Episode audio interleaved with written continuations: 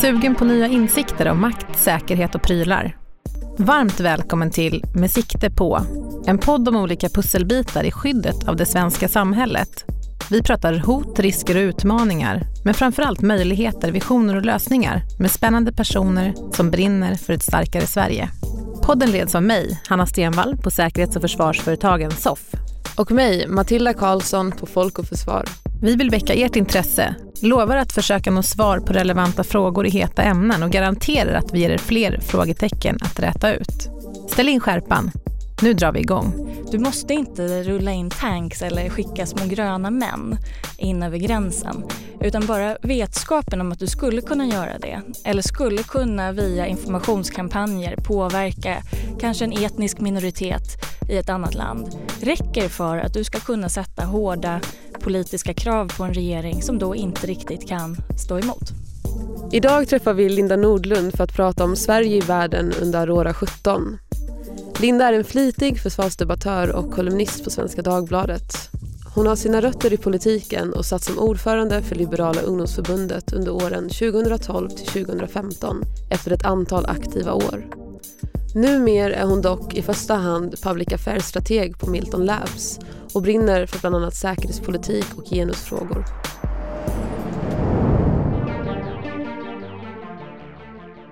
Välkommen Linda. Hej. Du är idag en engagerad aktör i den säkerhetspolitiska debatten i Sverige. Hur kommer det sig att du är så intresserad av och insatt i den typen av frågor? Om jag ska vara helt ärlig tror jag att jag fick med mig det lite grann hemifrån. Jag kommer ihåg när jag var sådär fem år och min pappa han berättade om när han hade varit på repövning i Stockholms skärgård på 80-talet och faktiskt hade sett någonting som verkade vara en ubåt. Eh, och det här eh, var en oerhört spännande historia och då sa jag till min pappa att ja, när jag blir stor då vill jag också bli kustjägare. Och då sa min pappa, Linda tjejer kan inte bli det. Och det gjorde mig så oerhört upprörd. Eh, så liksom där någonstans föddes ett feministiskt engagemang men också ett intresse för säkerhetsfrågor. Eh, sen är det ju dessutom så att min pappa hade fel. Eh, kvinnor kan bli kustjägare och kvinnor har blivit kustjägare idag. Men du är inte kustjägare? Jag är inte kustjägare. Jag gjorde faktiskt aldrig lumpen. Eh, vi inleder också med att nämna precis det du, det du själv nämner nu, att du brinner för genusfrågor. Hur går säkerhetspolitik och feminism ihop 2017?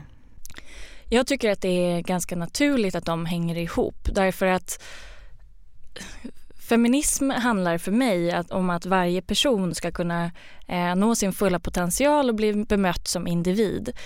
Det kan man nästan uteslutande bara göra i demokratiska stater, i säkra samhällen.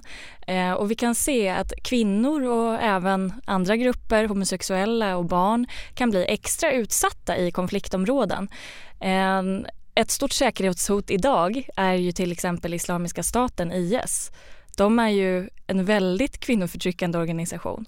Så att, och den ideologi som de står för eh, sträcker sig, eh, har företrädare även i Europa och även i Sverige. Så att jag, jag, tycker att det är ganska naturligt att om man, om man brinner för säkerhetsfrågor så, så måste man också bry sig om vad är det vi försvarar? vilkas säkerhet?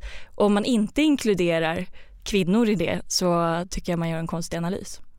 Just nu pågår Sveriges största militärövning på över 20 år.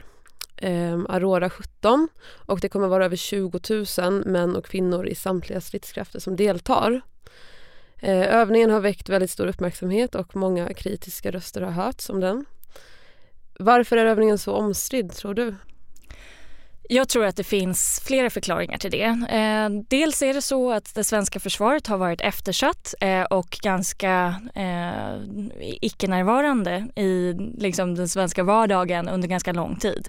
Därmed är man ovan vid sådana här stora övningar. Eh, det är det första. Det andra är att det faktiskt pågår en, en kampanj som verkar ganska välorganiserad från kanske främmande makt eh, eller andra intressenter.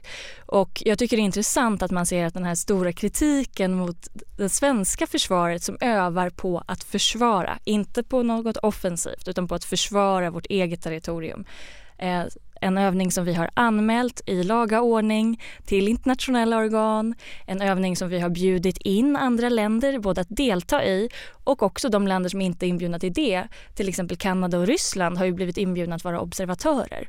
Så där gör vi allting väldigt transparent i Sverige och ändå blir det kritik. Medan man inte är så, eh, kritiserar den stora ryska övningen Zapad till exempel. Är Aurora viktigt för Sverige och varför i så fall? Det är väldigt enkelt. Om man tycker att Sverige ska kunna försvaras så måste man öva på att försvara Sverige. Eh, därför måste man ha en övning som Aurora. Har du reflekterat någonting över den geografiska begränsningen som är utvald för övningen? Jag tänker att det måste vara upp till Försvarsmakten att välja vad de tycker behövs övas på idag. Vi har haft stora övningar i, uppe i norr eh, för inte så länge sedan, Arctic Challenge. Eh, så att eh, jag tycker det är vettigt att man övar liksom försvaret av Mellansverige eller vad det blir. Jag skulle koppla tillbaka till det du nämnde nyss om just att man övar försvar och inte offensivt. För du är ju en spetsig förespråkare för länders rätt till just sitt eget försvar. Har du lust att utveckla ditt resonemang i den frågan eh, något? Det handlar ju i grunden om, eh, återigen, så här, vad är det vi ska försvara? Jo, men vi försvarar vårt land liksom dess befolkning och vårt statsskick. Vi, vi försvarar faktiskt den svenska demokratin. Tycker man att länder har rätt att fatta sina egna beslut i demokratisk ordning så måste man också ha rätt att bestämma över sina egna gränser. Ehm, att kunna erbjuda sina medborgare liksom den grundläggande säkerheten och tryggheten. Och det måste man ha ett väpnat försvar till. Eh, sen kan man drömma om en värld där det inte längre behövs. Men om vi tittar på hur situationen ser ut i vårt närområde idag så är det väldigt tydligt tycker jag att kan man inte försvara sina gränser så är man sårbar för att utsättas för politiska påtryckningar. Du måste inte rulla in tanks eller skicka små gröna män in över gränsen utan bara vetskapen om att du skulle kunna göra det eller skulle kunna via informationskampanjer påverka kanske en etnisk minoritet i ett annat land räcker för att du ska kunna sätta hårda politiska krav på en regering som då inte riktigt kan stå emot. Och det är inte bara i vårt närområde vi pratar då utan du har ju varit väldigt aktiv även i frågan i omvärlden så att säga. Ja, alltså jag, jag tänker nu till exempel på eh, situationen i Ukraina. Eh, jag tänker på vad de olika baltiska staterna har utsatts för, för olika både informationskampanjer, eh, IT-attacker och olika ganska hårda ord. Hårda ord har också riktats mot oss ska man vara ärlig med. Om man lyssnar på den ryska ambassadören och så. Där man säger att om Sverige närmar sig Nato, om Sverige ansöker om medlemskap i Nato, då kommer vi inte hålla tillbaka. Då kan alla medel, även militära, finnas på bordet. Vilket är vansinnigt aggressivt eftersom Nato är en försvarsallians. Eh, den riktar sig inte mot någon men den handlar om att vi länder eh, som är med, vi kommer att skydda varandra. Eh, det är ju ett tydligt tecken på, på påverkan. Det pratas väldigt, väldigt mycket om hybridkrigföring nu för tiden. Vilken roll tror du att tekniken kommer att spela på, på framtida slagfält? Jag tror att det kommer spela en väldigt stor roll. Eh, så här, för det första, är vad är ett slagfält? Eh, det är ju inte längre bara en äng någonstans eh, där man gräver varsin skyttegrav. Utan idag sker ju redan krigsförberedelser och även vad man kan tycka är ganska aggressiva attacker på till exempel cyberarenan. Eh, det sker dagligen. Eh, det är svårt att veta exakt vilka som ligger bakom men det tyder på att det finns vissa stater. Eh, Säpo har ju pekat ut ehm, till exempel Iran eh, och Ryssland eh, och Kina som stater som ägnar sig åt sånt. Eh, så där har ju redan tekniken påverkat. Sen om man tittar på teknikutvecklingen så finns det ju väldigt mycket både häftiga och ganska läskiga saker som man nu eller väldigt snart kommer att kunna göra. Ehm, allt ifrån nanorobotar som är så små att man liksom andas in dem ehm, och de övervakningsmöjligheter som den typen av teknik kan medföra eh, till naturligtvis eh, att rymden sannolikt kommer att vara ett nytt slagfält. Eh, så att där, där måste, det måste man ju bemöta på många sätt. Det kan handla både om till viss del om regleringar. Vad ska man få forska fram och vad ska man få, få använda robotar till till exempel? men också eh, diplomati. Kan vi komma överens om, om spelregler? Och framförallt, vad gör vi när någon bryter mot de spelreglerna? Det är ju ett annat här, exempel på att det, det, system som vi har idag med FNs säkerhetsråd kanske inte riktigt har tillräckligt mycket tänder, tycker jag man kan se en, till exempel med Nordkorea nu som håller hela världen i skräck. Eh, trots att man en gång i tiden skrev på icke-spridningsavtalet. Hur tror du att det kommer påverka den typen av kompetens som behövs i framtiden när vi pratar just om hybridkrig och ny teknik? Vad, vad, vad är det vi kommer se och vad är det vi behöver? Det är ju jättebrist redan nu på duktiga programmerare och på ingenjörer som har fattat grejen. Eh, och det kommer vi behöva fler. Men jag tror också att alla vi andra, jag är själv statsvetare, en, eh, har en sån där inte så anställningsbar eh, utbildning. Eh, men jag tror att även vi samhällsvetare behöver lära oss mer. Både för att kanske inte känna eh, orimlig skräck inför teknikutvecklingen. Jag tycker det är ganska mycket alarmism också om vad alla robotar som ska stjäla våra jobb och sånt där. Jag tror inte att de som svartmålar utvecklingen har helt rätt. Men jag tror att det finns risker också och jag, jag tror att eh, lagstiftare inte minst skulle behöva eh, gå lite teknikkurser. Det är ju ganska svårt att locka kvinnor till tekniska utbildningar. Är det ett problem och hur kan vi i så fall komma till rätta med det? skulle du säga? Jag skulle säga att det är klart att det är ett problem. Varför då? Jo, därför att kvinnor är duktiga. Om vi tittar på liksom eh, i Sverige har kvinnor varit i majoritet på universiteten under lång tid. Uppenbarligen finns det mycket smarta brudar. Varför söker de sig inte till de här områdena? Eh, för att om jag är chef så vill jag naturligtvis ha hela basen av kompetens att välja mellan och att så många som möjligt ska vilja söka sig till mig. Ehm, och då tänker jag att det både handlar om grundskolan, eh, om de signaler man skickar eh, där det, åtminstone när jag gick i skolan, eh, fanns en bild av att killar var duktiga på matte, att tjejer var duktiga på språk och det liksom var sånt som man sa rakt ut. Eh, och som naturligtvis då förväntningar spelar roll. Eh, jag tror också att man behöver göra matteundervisningen roligare. Eh, och med det menar jag mer inriktad på problemlösning, ehm, kanske öppna, ja, att man behöver vara mer öppen för andra pedagogiska verktyg än bara nu ska ni räkna kapitel 3 i boken. Eh, och sen tror jag att det också är viktigt med förebilder. Eh, jag tycker det är intressant att se på startup-scenen. Eh, för det kommer ändå en del företag ehm, som Eh, drivs av kvinnor. Eh, och man kan också se en diskussion nu som börjar i Silicon Valley om just genus i techsektorn.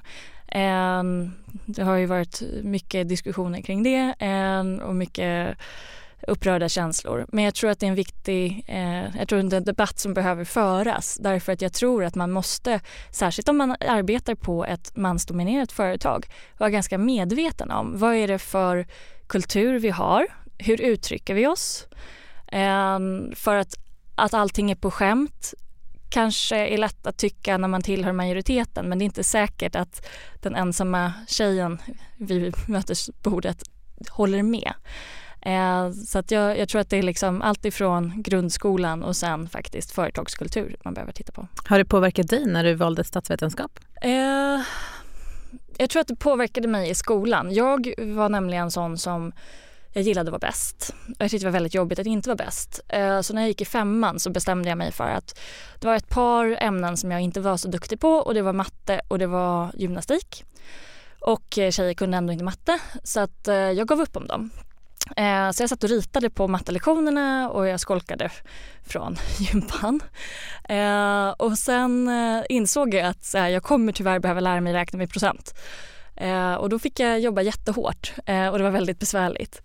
Eh, vändningen för mig vad gällde liksom matten det var att jag kom till Tyskland ett halvår. Där hade jag en fantastisk lärare, eh, Frau Wohlers, som var liksom, hade helt isblå blick och total koll på hela klassrummet och var superpedagogisk.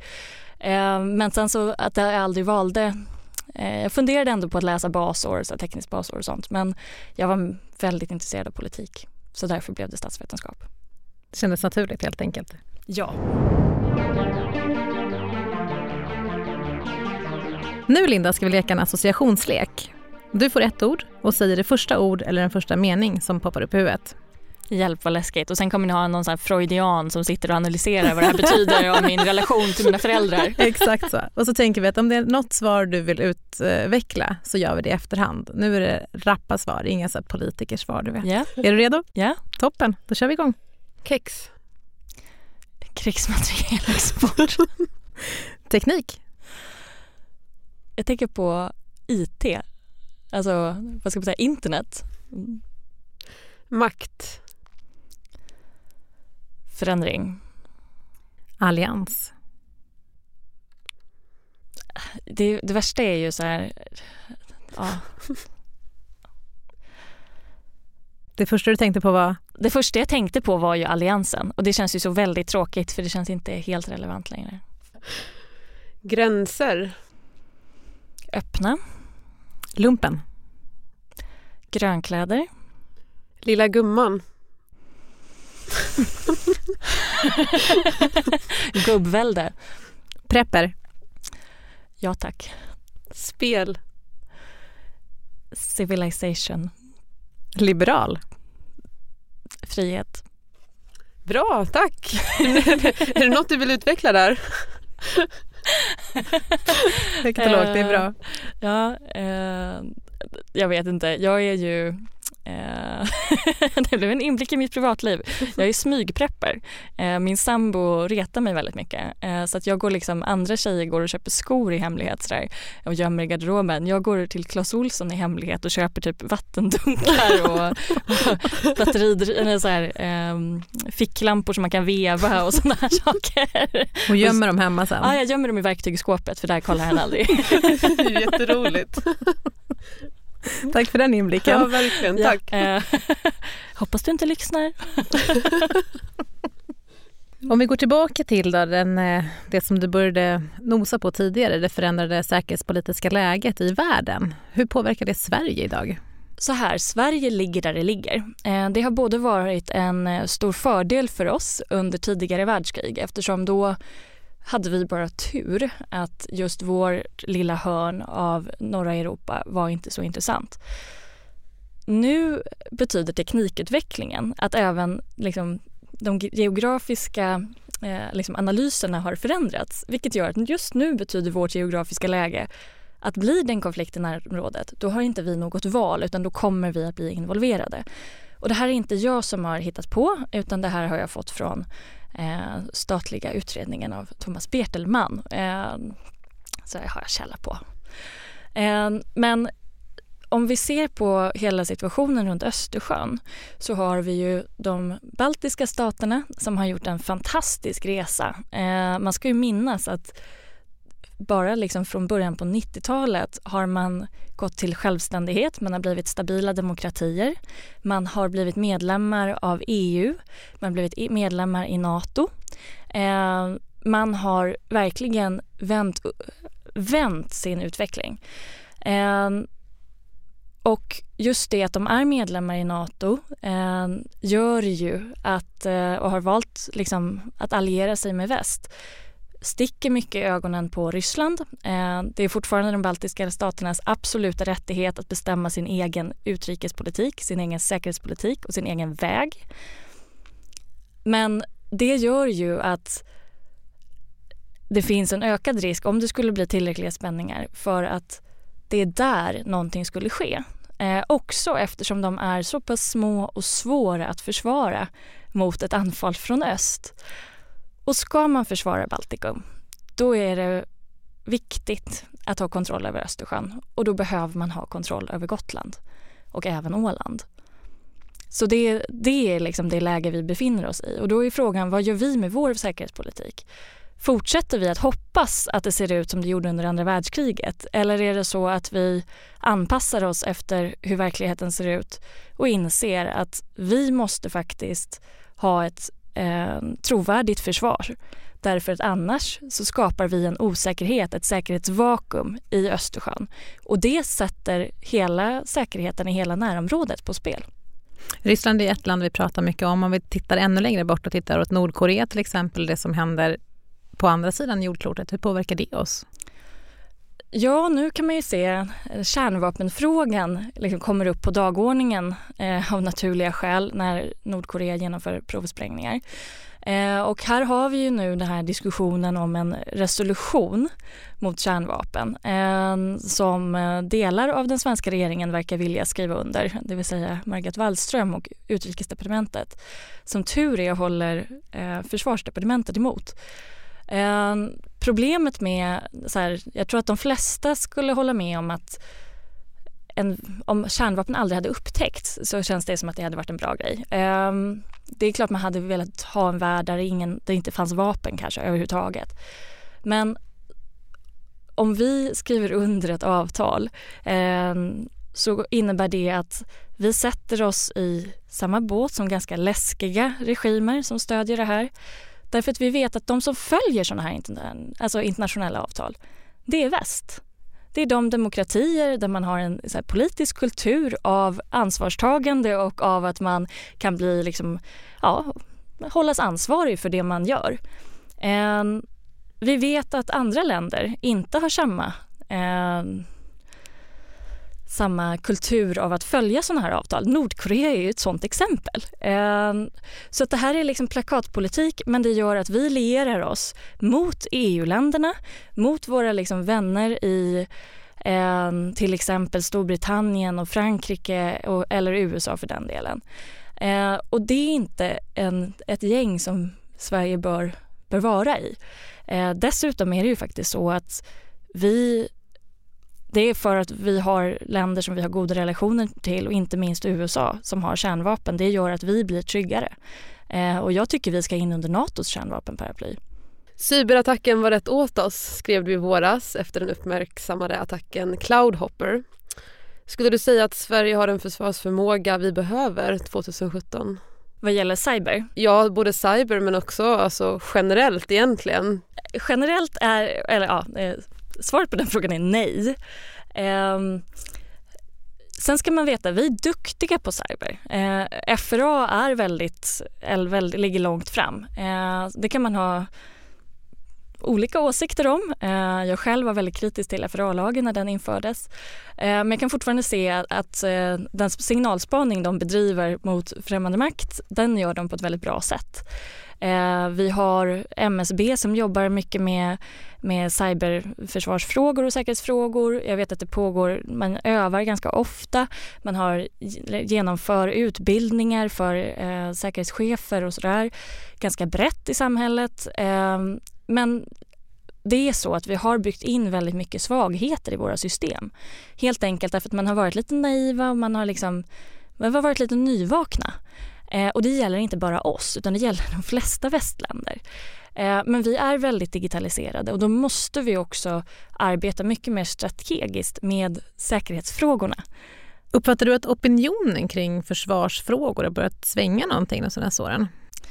Ja, det tycker jag. Eh, jag engagerade mig i försvarsfrågan 2007 eh, och då var om man ska vara lite raljant så var det väl jag och några liksom gamla generaler ungefär eh, kändes det som när man gick på olika seminarier och så. Idag tycker jag att det är mycket större bredd på de som engagerar sig i debatten eh, och som deltar på olika sätt. Det tycker jag är jättekul.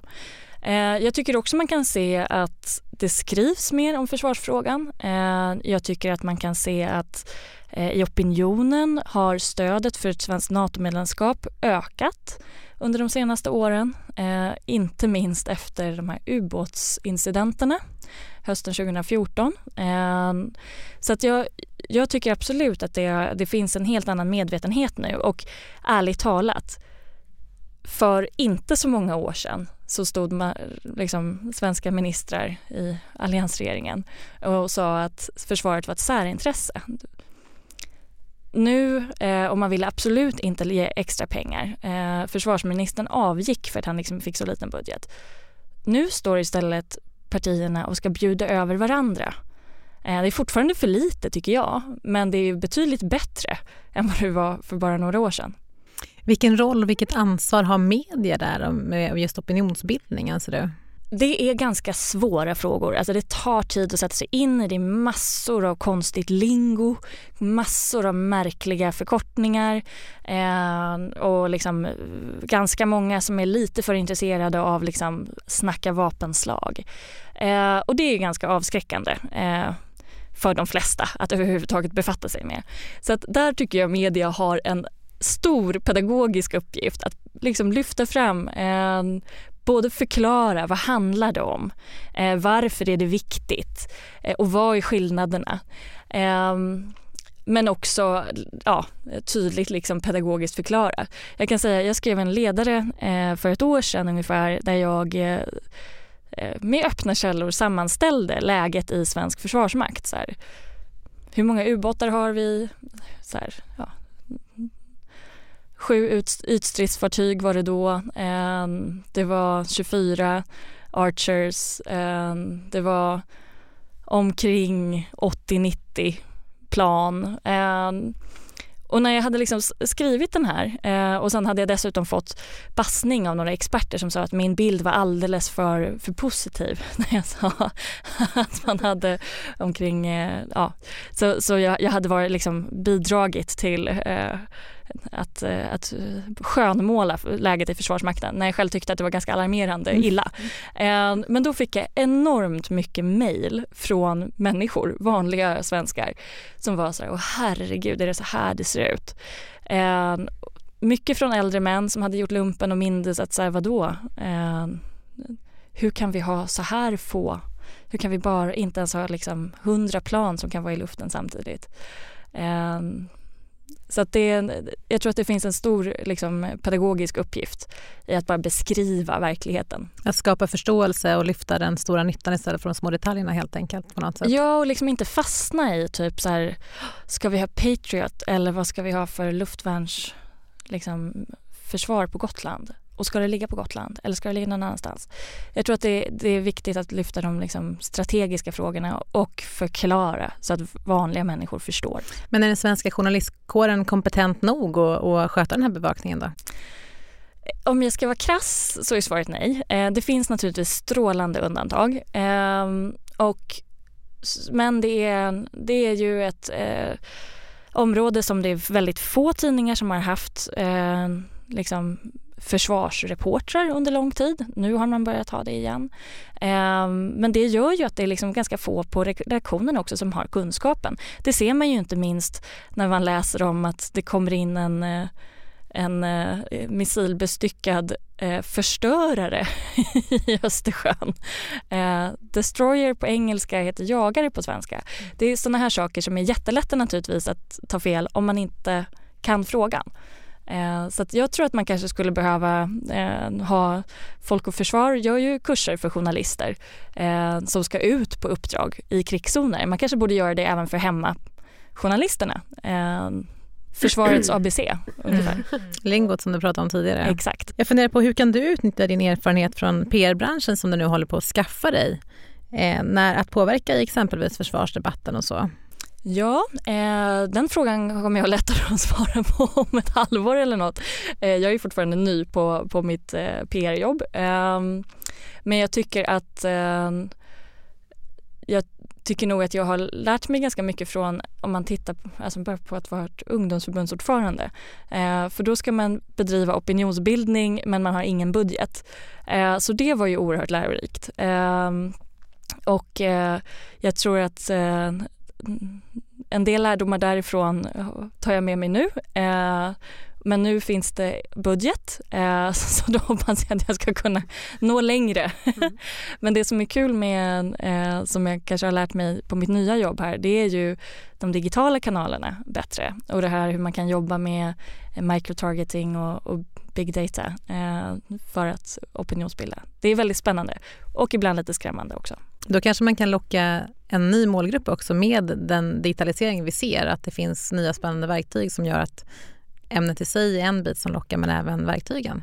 Precis, jag tror att det gäller att vara på rätt plattformar. Eh, man måste förstå att man måste vara där folk är eh, för att nå dem. Eh, de kommer inte komma, liksom. Eh, Mohammed kommer inte till berget. Eh, Men avslutningsvis, om du får önska en sak som politiken löst ut, vad skulle det vara?